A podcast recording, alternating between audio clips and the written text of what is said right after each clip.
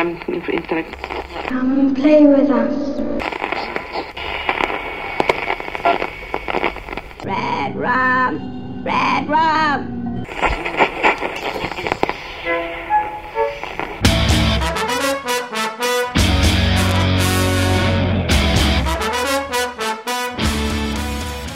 Witam Was, kochani, bardzo serdecznie w 213 odcinku podcastu Radio SK. Dzisiaj mam dla Was pierwszy, teoretycznie pierwszy i teoretycznie jedyny odcinek serii, w której sobie zażartowałem, oprawiając go graficznie odpowiednio przerobionym logiem projektu w oczekiwaniu na Gwiezdne Wojny Przebudzenie Mocy. Witam Was zatem w podcaście pod tytułem W oczekiwaniu na bazar złych snów.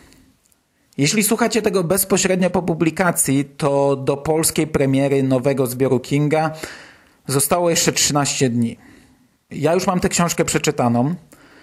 Jeszcze przez 11 dni nie wolno mi się na jej temat wypowiadać, e, choć w tym przypadku dokument dołączony do egzemplarzy prasowych jest trochę bez sensu, ponieważ w tym zbiorze znajdują się tylko dwa niepublikowane nigdzie do tej pory teksty. Jedno opowiadanie Kiepskie Samopoczucie już miało nawet polską premierę w innym wydawnictwie i pod innym tytułem. I ja już nawet zrobiłem o nim podcast. Na szybko, przed rokiem. Odsyłam do odcinka pod tytułem Pod psem. Pozostałe teksty były już publikowane w Stanach, Francji czy Niemczech, w antologiach, magazynach czy samodzielnych wersjach elektronicznych, audio lub tekstowych.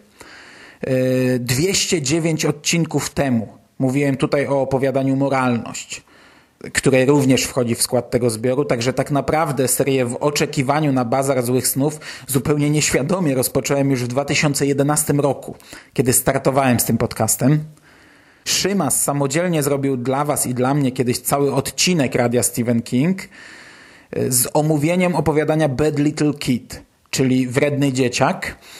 Czyli jak widzicie mamy już całkiem sporą część tego zbioru omówionego tutaj. Dzisiaj natomiast będzie o tyle nietypowo, że choć zacząłem od nadchodzącej wielkimi krokami premiery książkowej, to dzisiaj będę mówił głównie o komiksie. Komiksie Little Green God of Egony, który jest adaptacją opowiadania ze zbioru Bazar Złych Snów pod tytułem Zielony Bożek Cierpienia. I pozwolicie, że od teraz będę się posługiwał polskim tytułem. I niestety uprzedzę już na starcie, bo z tego wstępu i z tego całego oczekiwania mogliście przypadkiem wywnioskować, że dzisiaj będę coś chwalił. Nie, dzisiaj będzie raczej negatywnie. To, że czekamy na nowy zbiór Kinga nie oznacza, że wszystko, co się w nim znajdzie i, i wszystko, co w jakiś sposób się z nim łączy, stoi na najwyższym poziomie. Ok, to najpierw trochę historii. Opowiadanie Kinga premierowo ukazało się w antologii A Book of Horrors pod redakcją Stevena Johnsona, która do sklepów trafiła w 2011 roku, a ja mówiłem o tym w drugich, w drugich wiadomościach z Martwej Strefy. Rok później, w maju 2012 roku, ukazało się ponownie w antologii.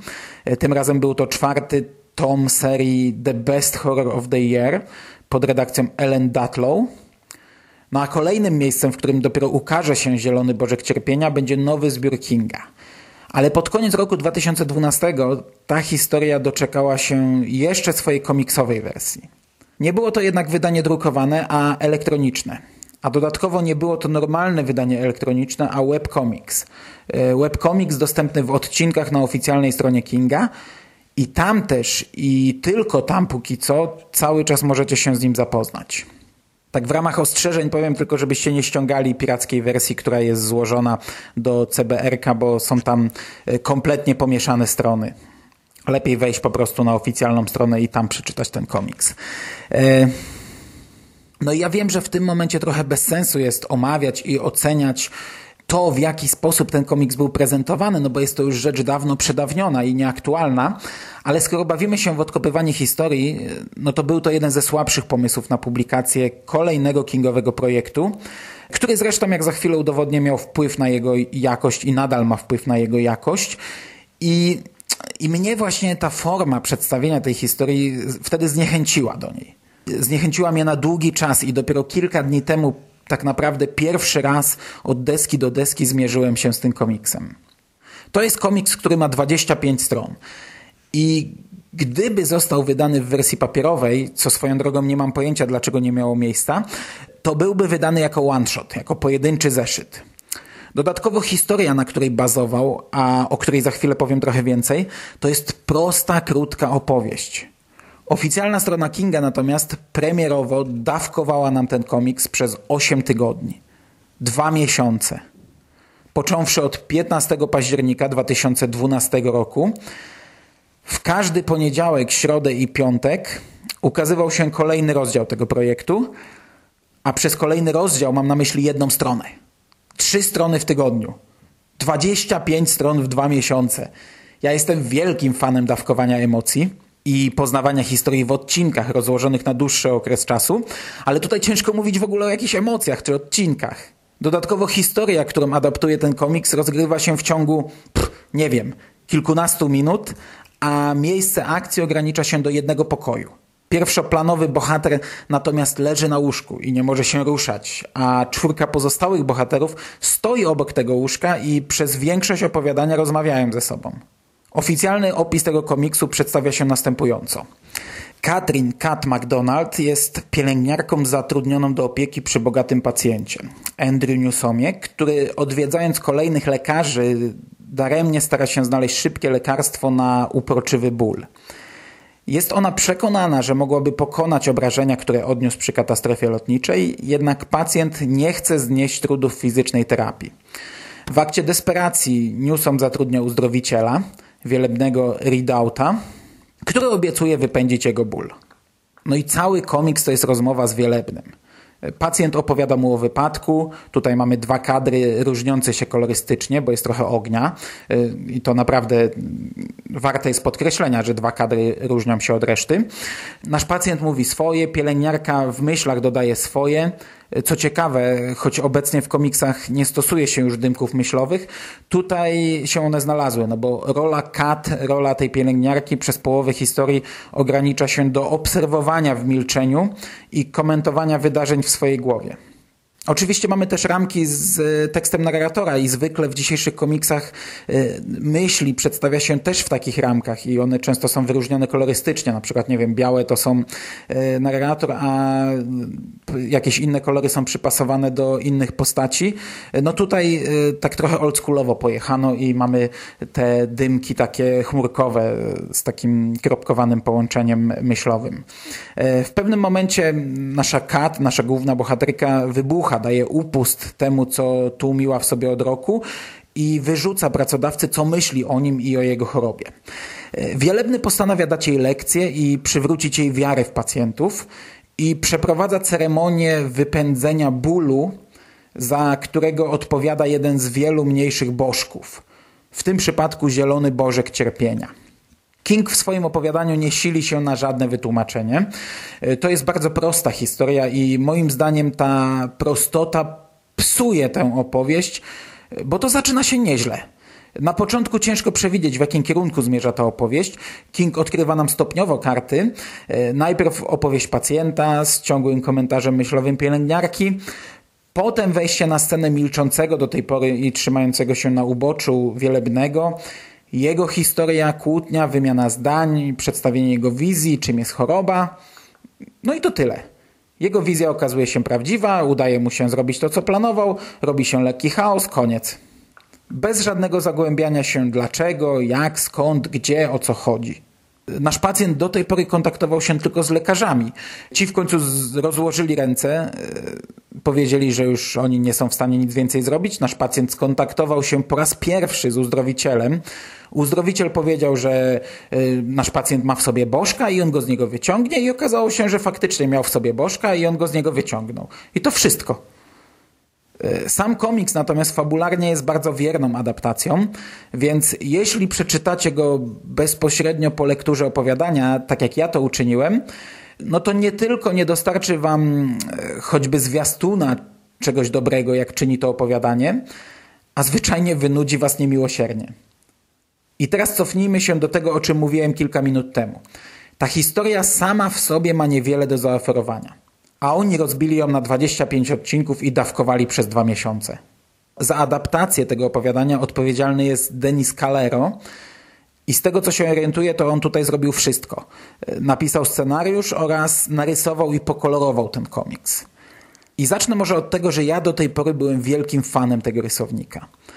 Znaczy, nie kojarzę jego samodzielnych projektów komiksowych, nie wiem, czy miałem przyjemność obcować z którymś z nich, ale Denis Calero przez kilka lat ilustrował dodatki w komiksie Mroczna Wieża i robił to doskonale. Cały ten pierwszy 30-zeszytowy i drugi 30-zeszytowy rozdział wieży miał zawsze taki układ, że większą część zeszytu stanowiła historia właściwa, a ostatni blok, którego objętość z czasem coraz bardziej malała, to był zestaw bonusów. I tam w tym zestawie bonusów daniem głównym była publicystyka Robin Ford. Znaczy były teksty Robin Ford. W większości były to opowiadania lub jakieś encyklopedyczne ciekawostki dotyczące świata pośredniego, a czasem właśnie publicystyka dotycząca pracy nad samym komiksem. I przez dość długi czas to Calero ilustrował te teksty i to była doskonała interpretacja świata Mrocznej Wieży. Ja nawet przerysowałem jedną jego pracę, przekalkulowałem i, i zrobiłem to w takim swoim trochę stylu. E, znaczy wypełnienie zrobiłem w swoim stylu, bo rysunek tak naprawdę nie zmienił się prawie w ogóle. E, przerysowałem jedną z jego prac z tych dodatków i użyłem ją jako główną grafikę na swoich ślubnych materiałach. Zaproszeniach, zawiadomieniach, etykietach i tak. Uwielbiałem tego gościa i, i on tutaj też pokazuje klasę. Ale tutaj zachodzi sytuacja odwrotna, bo zwykle gdy rysownik, którego lubiłem za jakiś komiks, brał się za Mroczną Wieżę, wchodził w ten świat Mrocznej Wieży, komiksowej Mrocznej Wieży, trzymał się jakichś wyznaczonych standardów, to ja zwykle byłem rozczarowany. W tym przypadku bardzo polubiłem Kalero za jego Mroczną Wieżę, a Zielony Bożek Cierpienia no jednak trochę rozczarowuje. Choć to też jest mniejsza wina mm, rysownika niż materiału wyjściowego. I trochę też wina formy, w jakiej nam go zaprezentowano, czyli znów będę się tego czepiał. Po pierwsze, materiał wyjściowy nie daje jakiegoś wielkiego polu do popisu. Ten komiks ogranicza się do pięciu nieprzemieszczających się postaci, przebywających w jednym pomieszczeniu. I nawet jak te rysunki są świetne, no to po kilku stronach to się wszystko zlewa w jedno. Po drugie, forma webkomiksu i konieczność, by na jednej stronie umieścić jak najwięcej treści, po drugie, no właśnie ta forma webkomiksu. I, i, I ta konieczność, by na jednej stronie umieścić jak najwięcej treści, przez co tu jest sporo dialogów.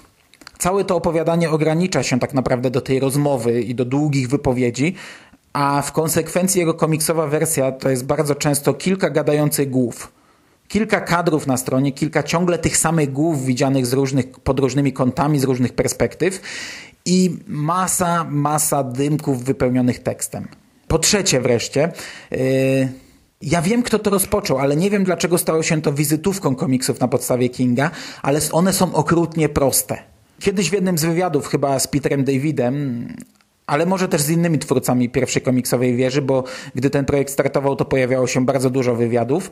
Oni powiedzieli coś na zasadzie, że ten komiks przeczytają głównie fani Kinga, którzy w większości nie mieli do tej pory styczności z komiksami. Więc trzeba go dla nich maksymalnie uprościć. Bez przesadnego chaosu czy napakowania stron treścią, bez nachodzących na siebie kadrów, bez elementów wychodzących poza kadry. Yy, no i w ten sposób powstał komiks, który w każdym zeszycie miał kilka jedno- i dwustronnicowych rysunków, które absolutnie nie wymagały takiej przestrzeni, a pozostałe strony ograniczały się do kilku panoramicznych kadrów rozciągniętych na całą stronę. Ja naprawdę nie wiem yy, jak tępymi ludźmi w oczach takich twórców komiksów są ludzie, którzy nie sięgali wcześniej po, po komiksy. No bo naprawdę, jeżeli ktoś ogarnia y, podstawowe zasady, czytamy od lewej do prawej i od góry do dołu, to poradzi sobie z ręką wystającą poza kadr, czy z, z jednym rysunkiem nachodzącym na drugi. No, no bez przesady. Y, to bez przesady. No nie róbmy z tego jakiegoś nie wiadomo jak skomplikowanego, zaszyfrowanego schematu. I tak naprawdę taki wygląd Mrocznej Wieży, on się później zmieni tam po, nie wiem, na, na pewno dość mocno zmienił się na etapie siódmego tomu Siostrzyczek z Eluri, ale tak naprawdę taki wygląd tego komiksu stał się jego wizytówką na długi czas, bo teraz już troszeczkę inaczej wygląda, ale teraz wygląda tak, jak y, coś, do czego przejdę za chwilę. Bo ja nie wiem dlaczego, ale niestety tą drogą poszli wszyscy twórcy, no prawie wszyscy twórcy kolejnych kingowych komiksów. I nawet jeśli nie jest to na tej zasadzie, co w Mrocznej Wieży, i, i nawet jeśli poszczególne kadry rozplanowane są tak, że mamy kilka okienek obok siebie, no to zawsze jest to taka prostota, jak komiksy, które ja rysowałem w podstawówce. Brałem wtedy kartkę papieru, przykładałem linijkę, dzieliłem ją na trzy równe poziome pasy, a potem y, jeden z nich dzieliłem na dwie części, jeden pozostawiałem nietknięty, a jeden znów na dwie lub trzy na mniejsze okienka. I prawie każdy komiks na podstawie Kinga jest tak robiony. To jest jak, jak ten, jak Jonka, Jonek i Kleks, albo jak, jak Kajko i Kokosz. I to samo jest w przypadku Zielonego Bożka Cierpienia. Nie dość, że sama historia wyjściowa jest prosta i, i, i nie dająca jakiegoś wielkiego pola do manewru dla rysownika, e, nie dość, że było to tak e, prezentowane, jak było czytelnikom, to jeszcze rozmieszczenie kadrów jest tak monotonne, że po kilku stronach to się naprawdę staje nudne. Do tego mam wrażenie, że Calero nie poradził sobie z końcówką. Po pierwsze, ona jest narysowana gorzej. I to czasem naprawdę są gigantyczne skoki, gdzie po kilku ładnych stronach dostajemy coś potwornie brzydkiego, potwornie słabego. Po drugie, kiedy na koniec robi się trochę akcji, wiele rzeczy zaczyna się dziać jednocześnie, yy, to on sobie z tym nie radzi. Ja miałem wrażenie, że na trzech ostatnich stronach jest yy, jeden wielki chaos i gdybym chwilę wcześniej nie czytał opowiadania, to mógłbym na niektóre rzeczy nie zwrócić uwagi. Ostatni kadr natomiast, czy też ostatnie zdanie z opowiadania, y, to jest taka typowa zagrywka w tego rodzaju opowieściach, ale jest ona zwyczajnie głupia, biorąc pod uwagę wszystko, co działo się wcześniej. I na tym powoli mogę kończyć. Podsumujmy zatem. Materiał wyjściowy jest taki sobie, jego komiksowa adaptacja jest jeszcze gorsza, a forma, w jakiej premierowo zaprezentowano ją czytelnikom, która wpłynęła na, na to, jak ona została napisana i jak została narysowana, to jest to forma absurdalna. Zielony Bożek Cierpienia to jest komiks słaby. Opowiadanie natomiast, no to jest jeden z dwudziestu tekstów z tego zbioru, także stanowi jego ułamek. Nie czyta się go źle, ono ginie w, w wśród pozostałych innych tekstów, także przechodzimy przez niego, czyta się to ok. Jest to po prostu opowiadanie, które w moim odczuciu na starcie obiecuje nieco więcej niż ostatecznie nam daje. Pozostaje nam czekać na cały zbiór, a ten jak dobrze pójdzie powinniśmy omówić dla Was, no mam nadzieję, że premierowo już za dwa tygodnie, chociaż będzie ciężko. I to tyle na dzisiaj. Trzymajcie się ciepło i do usłyszenia. Cześć.